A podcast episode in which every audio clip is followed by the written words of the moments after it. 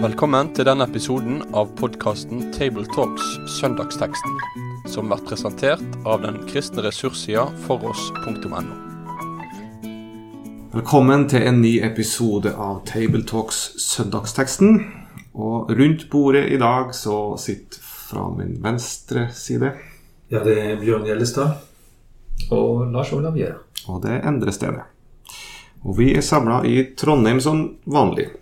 Nå er det tredje søndag i advent vi skal samtale om. Og det er i kirkeåret normalt Johannes døperen sin, sin spesielle eh, dag. Og vi stanser for hans person og framfor alt hans budskap. Og teksten i dag er fra eh, Lukas 3, og fra vers 7 til 18. Og vi leser i Jesu Kristi navn.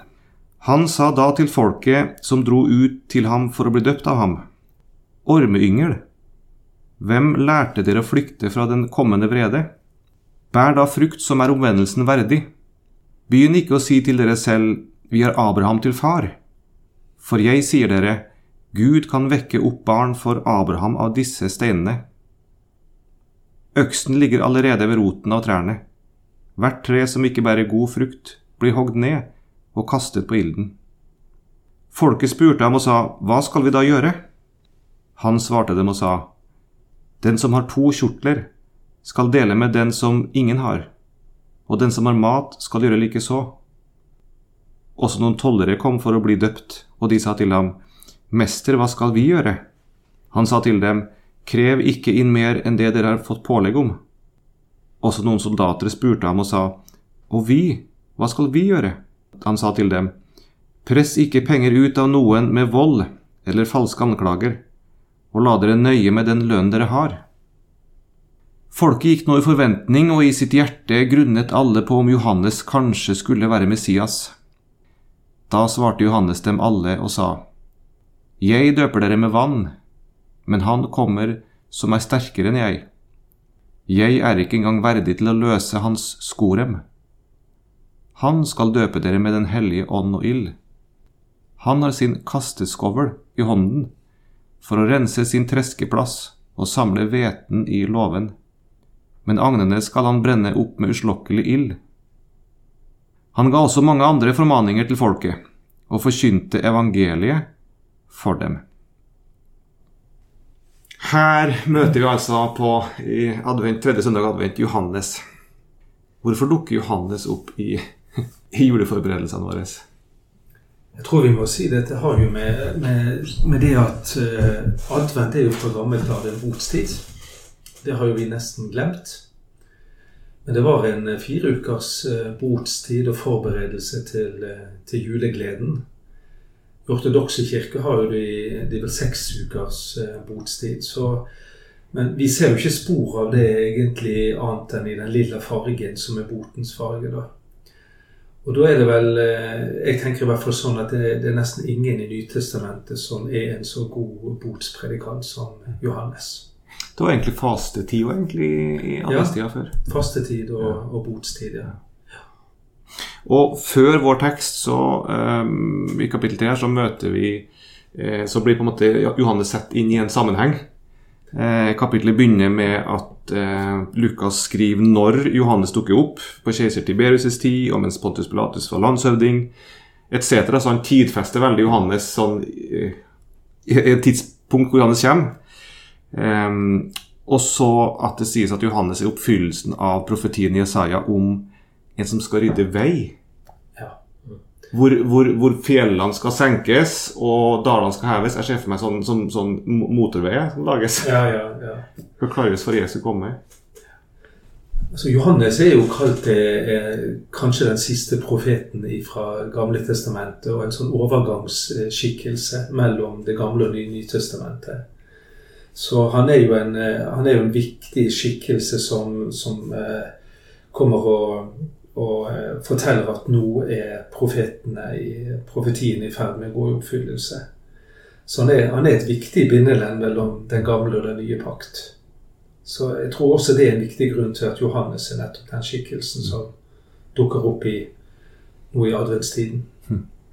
Og så er det jo Det står jo at det gikk med forventning, alle si, folket. Så, for det er jo nå plutselig en profet etter et langt opphold uten noen profeter, så er det plutselig en som fremstår igjen. Og da ja, vil jo det være Nå sender Gud profeter igjen, nå skjer det noe. Og så er det jo både Jesaja og Malaki og som ofte altså Det som sies der om eh, min budbærer og sånt som eh, knyttes til Eller som Jesus forklarer, er jo døperen hans. Og han, eh, nå, så, ja, så hvis de har profetiene fra Gammeltestamentet klart eh, for seg, så vil de kanskje begynne å lure på at nå, nå skjer det noe. Nå gikk de med forventning. Er, er han Messias, eller hvem, hvem er han? Jeg syns jo, jo det er ganske interessant her i vers 7 at det står at uh, det var ikke Johannes som oppsøkte folket, men det var folket som oppsøkte han. Mm. Altså Vi ville gjerne tenkt at eh, hvis vi skulle prøvd å påvirke massene, så ville vi ha oppsøkt byene eller søkt der folk var. Mm. Men det står virkelig at de kom ut til han. Og det er noen som mener at det kan være Hadde de en forventning om at det var et slags nytt exodus som skulle skje, altså en ny utgang, og at, eh, at det var noe som Det var noe, eh, en ny befrielseshandling eller frelseshandling som var på gang. sant? Eh. Hvis du tenker på alt det som skjedde med israelsfolket i ørkenen, så eh, Det virker som at det er noe sånt, og det står jo også i vers eh, 16 Eh, eller nei, i vers 15 Folket gikk nå med forventning, og alle tenkte i sitt stille sinn at Johannes kanskje var Messias. Så det er tydelig at det er forventningen som, som driver i hvert fall folket ut for å møte ham. da. Mm. Så eh, jeg syns det er litt fascinerende hvorfor i all verden gikk eh, folk mann av huset for å, for å møte denne skikkelsen. Folket reiser ut for å høre eh, Johannes, men det var ikke så veldig lystelig budskap. Så, så hvorfor kommer de da ut når det ikke er så veldig Det er ikke noe positivt evangelium, det her. Nei, Hva er det med dette som trekker folket ut? Nei, og det, det er jo litt interessant, for det, det har jo vi snakket litt om her. Er det, er det sånn vi vil ha, ha møtt en folkemengde i dag? Og med, med dette budskapet, å slenge ut ormeyngel og, og ellers, eh, så ville vi, vi ville vel ha tenkt at dette var dårlig pedagogisk eh, opplegg. Men av en eller annen grunn så ser det ut som at folkemengden ikke stopper å komme likevel. For det, eh, det er jo ikke bare eliten som oppsøker han. Vi, I andre tekster så hører vi at det er presteskap og fariseer, men her hører jo vi tollere, det er soldater Altså det er ganske vanlige folk. Det virker nesten som at han ikke sparte noen. Og det er litt interessant. Sant? Altså han, eh, eh, for ellers så kan du få inntrykk av at han, han har spesielt noen eh, horn i siden til, til de religiøse lederne. Men han taler jo likt til de politiske lederne, til kong Herodes, eh, og, og også til vanlige folk. Men eh, hva som gjør at de likevel kommer, så tror jeg kanskje det er fordi at eh, det er en forventning om noe som er større enn Johannes. For når Jesus kommer, så kommer for så vidt folket også til han, men det er pga. under og tegn. Ja. Men når han sier noen ting, og han forkynner jo han forkynner for til refsene, men det er jo til fariseere, men ikke til folk flest. Men Johannes er jo mye på en måte tøffere umiddelbart, mye mer sånn røffere og en ensidig tone. Men de kommer likevel. Det står jo Før teksten vår, da, i vers 3, så står det at han forkynte en omvendelsesdåp som ga tilgivelse for syndene. Så det er jo det som kanskje er det attraktive her. da. At, mm. men at da, da har de i hvert fall en bevissthet om at de trenger tilgivelse. Og så kommer de og så lar seg døpe, og så er ikke Johannes helt fornøyd med, med motivasjonen, eller Ja. Ja. Og da vinner teksten vår, ja. Mm. hvor Johannes altså møter dem som kommer, som nå vil la seg døpe, og så sier han, folkens, dere er ormeyngel. Dette, det, var ikke dette dere kom, det, det var ikke dette jeg ville at dere bare skulle komme her. Komme her og komme her. Mm. Hva er det Johannes da prøver å si? Hva, hva er det han sier med ormeyngel? Det er ikke så veldig lystelig å møte folk på den måten. Nei, det er vel det Jesus bruker samme ord om fariseerne og andre som han refser. Men her bruker han Johannes som alle som kommer, virker det som. Ja, Jeg tenker, når jeg tenker på ormeyngel, sant? Altså, det, er jo, eh, det er jo slangens, eller ormens, uh, unger. Mm. som, uh, som har giften i seg. Um, og, og, det virker jo på en måte som at det bildet, både når Jesus og Johannes bruker det, at det, det treffer egentlig veldig godt når det gjelder hva uh, ja, hva det er å være et fallent menneske. At vi har denne ormegiften i oss. Vi er på en måte, Hvis du går tilbake til eh, første Mosebok kapittel 3, sånn, så har denne slangen hugget oss i hælen. Som det står der i 3, 15 og 16. Så vi har ormegiften i oss, men det er også det at vi, vi sprer ormegift gjennom våre liv. Mm. Og, eh, og, og, det som Johannes leder frem til her, det er jo det at han, han vil at omvendelsen den skal vise seg i frukt. Den skal vise seg i en ny livsførsel eller i, i, eh, i, i et endret liv. Det er jo den frukten han, eh, han eh, etterlyser her, sant, i vers 8. Så bær da frukt som svarer til omvendelsen. Så eh, og, da er jo vi for så vidt inne på, hva, på selve ordet omvendelse. Sant? For det er jo et nøkkelord her. Mm. Og så langt jeg har sett, så, så, er det jo to uttrykk som brukes for omvendelse. Det ene det er å skifte retning. At du snur eh, en U-sving. Og det andre er det at du skifter sinn. Og, og, her brukes det vel dette med at du, du skifter sinn. Mm. Sant? Mm.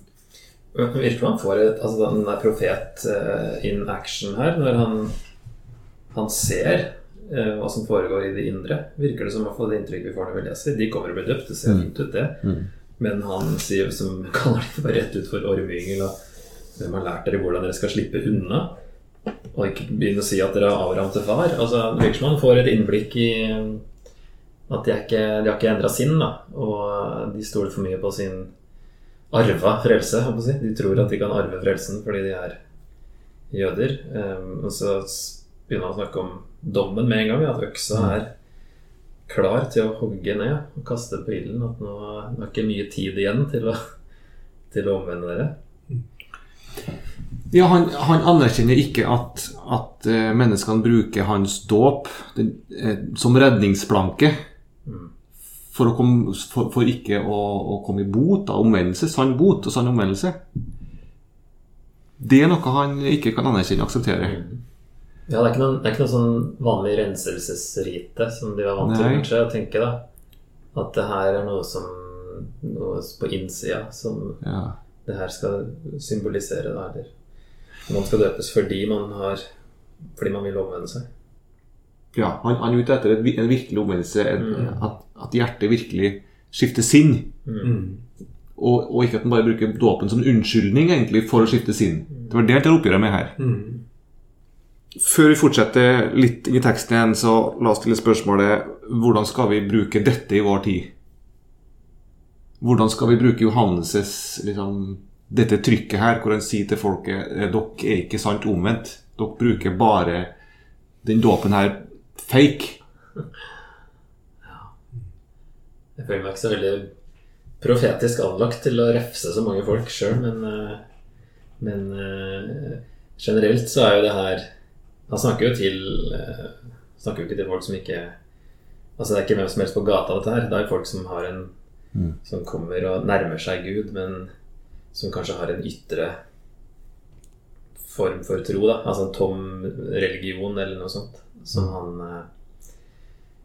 eh, refser da og sier at det er ikke det det dreier seg om. Mm. Jeg tror, at, eh, jeg tror at noe viktig i forkynnelse i dag, enten vi, vi tenker forkynnelsen siktet mot kirkefremmede eller mot kirkens folk, så, eh, så er det et viktig element eh, det som Luther kalte denne gode balansen mellom lov og evangeliet. At jeg trenger å, å, å, å få oppleve, både som tilhører eller som forkynner, at at Gud holder meg som et ansvarlig menneske for hvordan jeg lever, men aller mest hvordan jeg forholder meg til Gud. Det er jo, det er jo dypest sett det jeg tenker vi trenger å kalles til, til bot for. Ikke, ikke, bare de forskjellige syndene i våre liv, men ursynden, nemlig at jeg kanskje ikke tar Gud på alvor.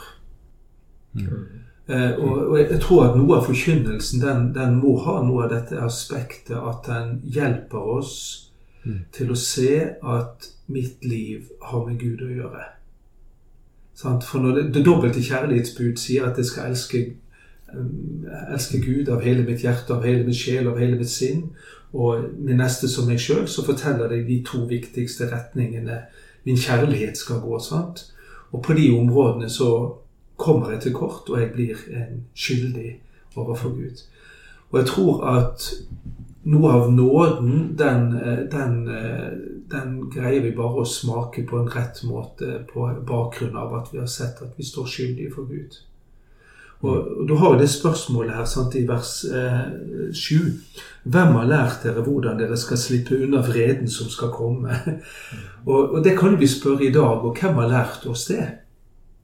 Hva har vi lært? Og da, og da tenker jeg at mange mennesker i dag de har ikke lært at det er noe som heter en vrede. Vi har ikke lært å kjenne en hellig Gud.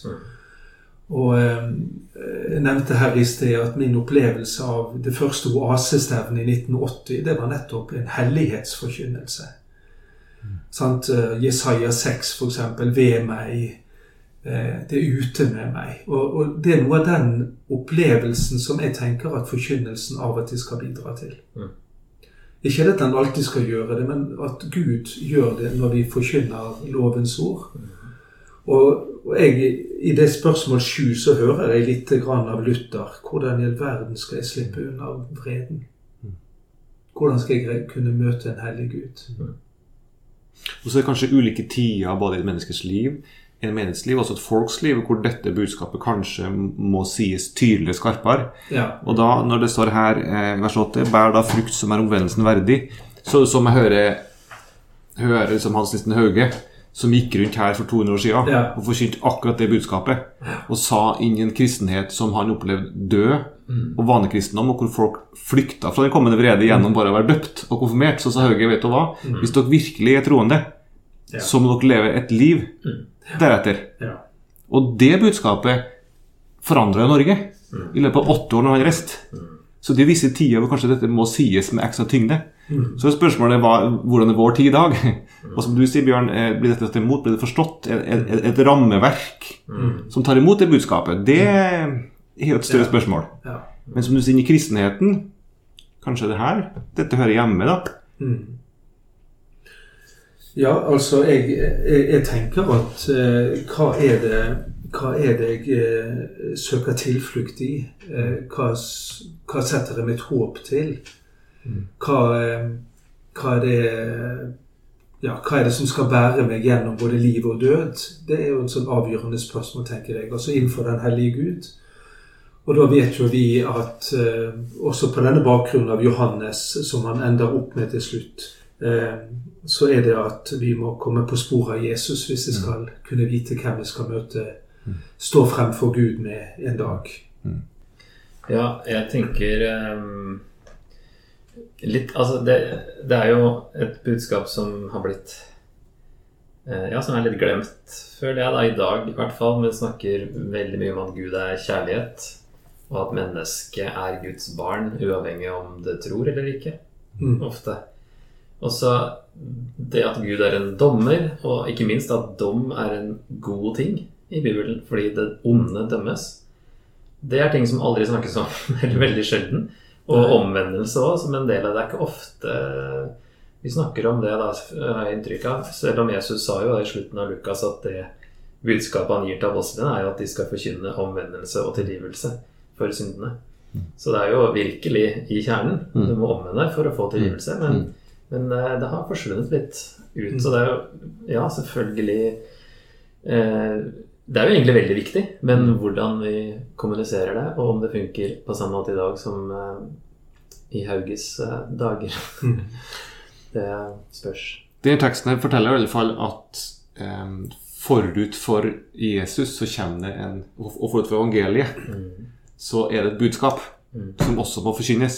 Mm. Som må høres av oss inn. Det er jo det denne teksten illustrerer. Både, både ved at det sies her for, for vår tekst at han skal rydde vei, men også i at den er plassert i adventstida. Mm. Før Jesu, Jesu komme nå, Mm. så kommer det et budskap Mm. som er tale til, til, til, til kirka og til oss om å formidle dette budskapet inn i vårt folk. Men eh, de her som han da forkynner til, mm, de unnskylder seg. Eller, eller han sier han, han tenker gjerne at ok, men nå unnskylder dere dere sikkert med at dere er Abrahams barn. Dere står i slekt med Abraham, og, og Abrahams sine gode gjerninger de kommer på en måte dere til gode. Men det er ikke noe verdt, eh, syns Johannes Johannes. Altså, det sier jo noe om at, eh, at eh, altså, røtter er viktige, men eh, røtter som ikke har, eh, har forvandlet våre liv, eh, så blir ikke de noe som vi kan gjemme oss bak. Og, eh, og parallelt til vår tid så vet jeg ikke hva du sa det her i sted, dette med jeg er døpt og konfirmert. Sant? Og, og, og da kan vi tenke at det er ytre handlinger, og, men hvis troens liv ikke er der, så hva gagner det meg, meg eh, da? Sant? Altså, vi tenker at troen må forenes med, med, med dåpen, blant annet. Og tvert imot så sier han at her jeg kan, Gud kan vekke opp liv ut av steinene. Mm. Så mektig kan Gud, så du kan ikke komme med noen ting av det dere har. Det er når Gud bryter inn, det skapes liv. Og kanskje det er også et signal om, eller et, et lite hint om hedningene, at, at vi, som egentlig ikke var Abrahams barn, Mm. vi kunne vekkes til livet Mm. eh, ved Guds ånd. Men, så men så spør folket, da. Det, det skjer noen ting i folket her, um, og de blir berørt. Budskapet treffer dem. Mm. Ja, de spør jo hva skal vi gjøre? Og det er jo eh, det, samme spørsmålet får jo stadig Jesus òg. Hva skal jeg gjøre? Hva skal jeg gjøre for å bli frelst? Eller? Og så tar Jesus de, og så gir han de lignelsen. Mens her går jo Johannes han går igjen på livene deres. Og da eh, da tar han jo eh, Nevner han han, han møter jo bl.a. en toller her og en soldat. Og så sier han vel egentlig til de at innenfor det ansvarsområdet eller de, eh, de strukturene de jobber, eh, så skal de eh, være ærlige. Skal de være rettferdige. Og det er jo ting som kan tale til oss i dag. Altså rettferdighet og, og ærlighet. Eh, For begge disse var jo kjent for at de kunne misbruke sine posisjoner. Så tolleren til å få økt rikdom. Soldaten som var i en maktstilling og kunne bruke makten, og den kunne misbrukes. Så i hvert fall der taler jo det litt om hvordan man skal leve med det. Og vi ser jo de reagerer på en måte eh, riktig på denne forkynnelsen.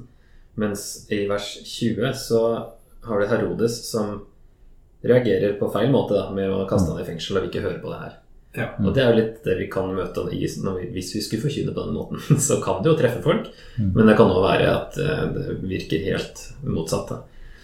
Eh, og de vil, folk vil ikke høre på sånn, men eh, så det kan jo treffe, treffe i hjertet likevel. Da. Så de, men de, de responsen til folkene her er jo eh, det Johannes og Gud er ute etter. Skal vises i livet, og han er veldig praktisk, som du sier. da. Det er jo i arbeidsforhold og hvordan skal omvendelsen vise seg i praksis. Ja. Og så var det litt interessant at han Det virker som at han forventer at du skal gjøre noe med det nå. Altså Det er ikke noe du skal utsette, men begynn med dette nå. Og det er, det er også et viktig svar på, på kallet til omvendelse. Ikke utsette. Når du, når, du, når du blir berørt av Guds ord, så kaller det oss ofte til handling der og da. Eh, Og det ser vi også når Jesus kalte enkelte, sånn, så begynner de å unnskylde seg med ja, jeg skal først gå og gifte meg, eller jeg skal gå og se til jeg har kjøpt et jordstykke. Og så har de masse unnskyldninger. Men, men her er det, eh, er det som at han sier ta og slutt med å kreve inn mer enn det som er fastsatt. Begynn å være rettferdig. Sånn. Ikke, ikke vent med det, men begynn nå med en gang.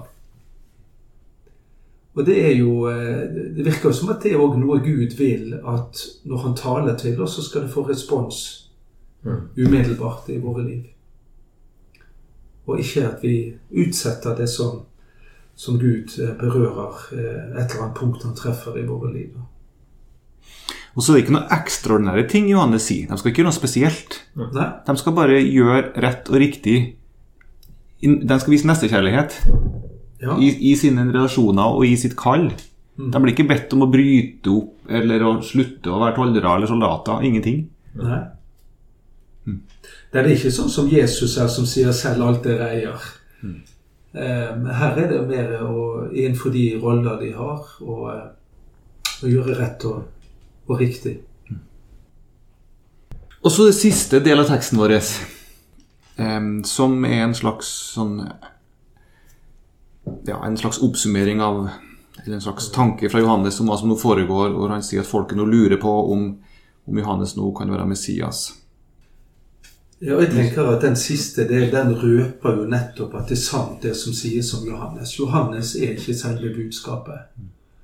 Han er veirydderen. Og eh, jeg syns jo bare det, det er så fantastisk å, det å vite å ha to livsoppgaver. Det å være en røst, og det å være en veirydder. Han var, her, her hører vi stemmen til Johannes. Men gjennom, og så ser vi hvordan han også opptrer som veirydder. Det er nettopp ved å kalle folk til omvendelse, til å gjøre bot. Eh, Han har jo også denne, denne, denne som vi kaller Johannesdåpen, som en omvendelsesdåp. Og alt skal jo egentlig forberede veien for, for dette avsnittet som nå kommer. Nemlig at nå kommer han som jeg ikke engang er verdig til å løsne sandalreimen for. Nå kommer han som er Det står at den er sterkere. Han, han, han kaller han den sterkere enn jeg. Andre steder så sier han vel 'større enn jeg'. Eh, Men det er tydelig at han henspiller på det at jeg ikke er Messias. Jeg skal ikke prøve å leke Messias engang, men han er på vei. Og nå må du forberede deg på å ta imot han. Og da er vi inne på hele advent, for den skal jo peke frem mot, mot julens store høytid, og at gjennom det lille barnet så er det Messias som entrer jordens overflate. Og det Johannes sier om denne Messias som da skal komme, det er ganske sterkt. På en måte så er det litt uventa kanskje egentlig også. Eh, Fordi det han sier, han skal døpe dere med Den hellige ånd og ild. Og så sier han at denne Jesus som skal komme, Messias, han har sin kasteskovl i hånden for å rense sin treskeplass og samle hveten i låven, og med agnet skal han brenne opp med uslik- us- uslokkelig ild. Han bruker et bilde på ilden og på dommen. Mm. Det er jo litt uventa at, at han kommer med det. Ja, det er for så vidt ikke uventa ut fra hva han har sagt før, da. Men uh, vi forventer liksom ikke det når vi kommer til Jesus, kanskje. Nei, da, og da peker Johannes på, på dommen her, at Jesus sitter med dommen. Mm. Ja, så døpe med Den hellige ånd og ild. Uh, og jeg tror jo døpe med Den hellige ånd, så tenker jo mange kanskje først og fremst på pinsedag og apostelgjerninger 2, men jeg tror nok det er en, en referanse til hele den der ånden, altså forventningen om at ånden skulle bli utøst over alle, eh, ikke bare på pinsedag, men for alle som tror, og at Jesus kom med den frelsen og den muligheten til å få Guds ånd for alle. Så det er mer sånn en generell tenker jeg da, beskrivelse av hva Jesus kom med. Han kom med ånden for alle, med frelse. Og så kommer han også med ild, som da i neste vers forklares som dom. Eh, som først og fremst skjer når han kommer tilbake andre gang, men, men eh, at hans komme kan summeres opp sånn av Johannes. Også det med at, eh, at ild og kan Altså renselse. At vi, også den som tror, blir rensa eh, ved Den hellige ånd og ild. Men at det er en dobbelt betydning kanskje der da, med ilden. Både dom og, og renselse, eller at uh, dette med at dommen òg beskrives som en renselse. Altså spørs det om man, om man kommer seg ut på andre sida. så. Mm. Ja, fordi Johannes tenker vi kommer med loven, med omvendelsesbudskapet. Eh, og Jesus kommer med nåden og evangeliet. Mm. Og her virker det umiddelbart som som om Johannes sier at Jesus kommer fortsatt med dommen og loven. Mm. Så spørsmålet kommer like, er det, hvor, hvor er evangeliet hen her? Det blir litt sånn litt dilemma her. Ja, altså det, er jo, det er jo tydelig at eh, når det, det bildet som brukes her med at han har eh, kasteskovlen i hånden, så vet vi at den ble brukt til å eh, skille klinten fra hveten. sant? Altså Når du kastet opp den, så dro de eh, kornene ned på bakken, og disse agnene de ble, Mm. De ble føyet vekk. eh. Eh, og, og da tenker jeg kanskje at det også skal henspille på at når, når Jesus kommer, eh, så, vil, så vil det gå et skille gjennom historien. Mm. Nemlig de som vil ta imot ham, og de som ikke gjør det. Mm. Og det skillet går, går innad i det jødiske folk, men det går også gjennom hele hedningefolken, altså oss andre land. At Jesus, eh, eh, Jesus utfordrer, og, han sier jo sjøl den som ikke er med meg, han er mot meg. At det er bare to muligheter i forhold til Jesus. Enten er du med han, eller så er du mot han. Mm. Eh, enten tar du imot han, eller så tar du ikke imot han. Eh, og, og jeg hører i hvert fall det i denne teksten at, at Jesus kommer for å for å, eh, å, å sette et skille. Mm. Men så tror jeg også at vi Luther har jo hjulpet oss og sagt det at denne, denne gjerning, altså som, som kan oppleves som Guds dømmende gjerning, det kaller jo Luther for Guds fremmede gjerning. Mm. Mens hans egentlige gjerning, det er det som vi ser i vers 18. Og da forkynte han evangeliet. Mm. Eh, eh, dette og mye annet la han folket på sinne når han forkynte budskapet for dem, eller evangeliet som du leste. Mm. Eh, og jeg tror at vi er nødt til å ha begge deler med i, i vår forståelse av hva Jesus kommer med, og hva han forkynner. At han har både denne fremmede gjerning, dette, dette domsordet, dette skillet som går gjennom historien, Mm. men at hans egentlige gjerning er at han er frelseren. Han kommer for, å frel, for frelse fortapte syndere. På For oss i hjemmeside så ligger det jo mye ressurser knyttet til søndagens tekst. Og der ligger det bl.a. også til hver søndag en tekstgjennomgang av Odd Sverre Hove. Ja, Og han skriver om akkurat dette det her da, å bli døpt med ild. Så skriver han hva det er for noen ting. Hva blir du døpt med ild? Er lik sin å slippe helskinnet gjennom hele Guds, ild, Guds doms ildprøve. Em, så på en måte så ligger et evangelium innpakka her verset om det er en, domstrussel at, at for den som er, er Jesus Kristus sin, så blir så, så, så, ikke ilden en dom, en trussel, men en renselse som vi skal få slippe helskinnet gjennom som troende. Og det er vel og, um, det er vel kanskje liten tvil om at Johannes henter sin inspirasjon fra dette fra Salme 1, eh, hvor det står eh, om de ugudelige at de er lik agna som vinden blåser bort. Ja. Derfor skal de ugudelige ikke bli stående i dommen, og syndere ikke i rettferdighets menighet. Men så kommer det vers 6. For Herren kjenner de rettferdiges vei. Mm. Så det ligger jo her også i, i denne dommen at ja, agnene skal forsvinne, men Herren kjenner de rettferdige, og de skal eh, ikke, ikke brenne opp, men skal gå gjennom dommen til å, å bli rensa. Jeg tenker jo at et lite svar på, på det spørsmålet i vers, eh, vers eh, 7 Hva skal vi da gjøre? Og det er jo dette når Når, eh, når dommen går over våre liv, eller Gud dømmer oss, så husker jeg han dansken eh, Leif Andersen. Han sa det det finnes bare én måte å unnslippe Guds dom på.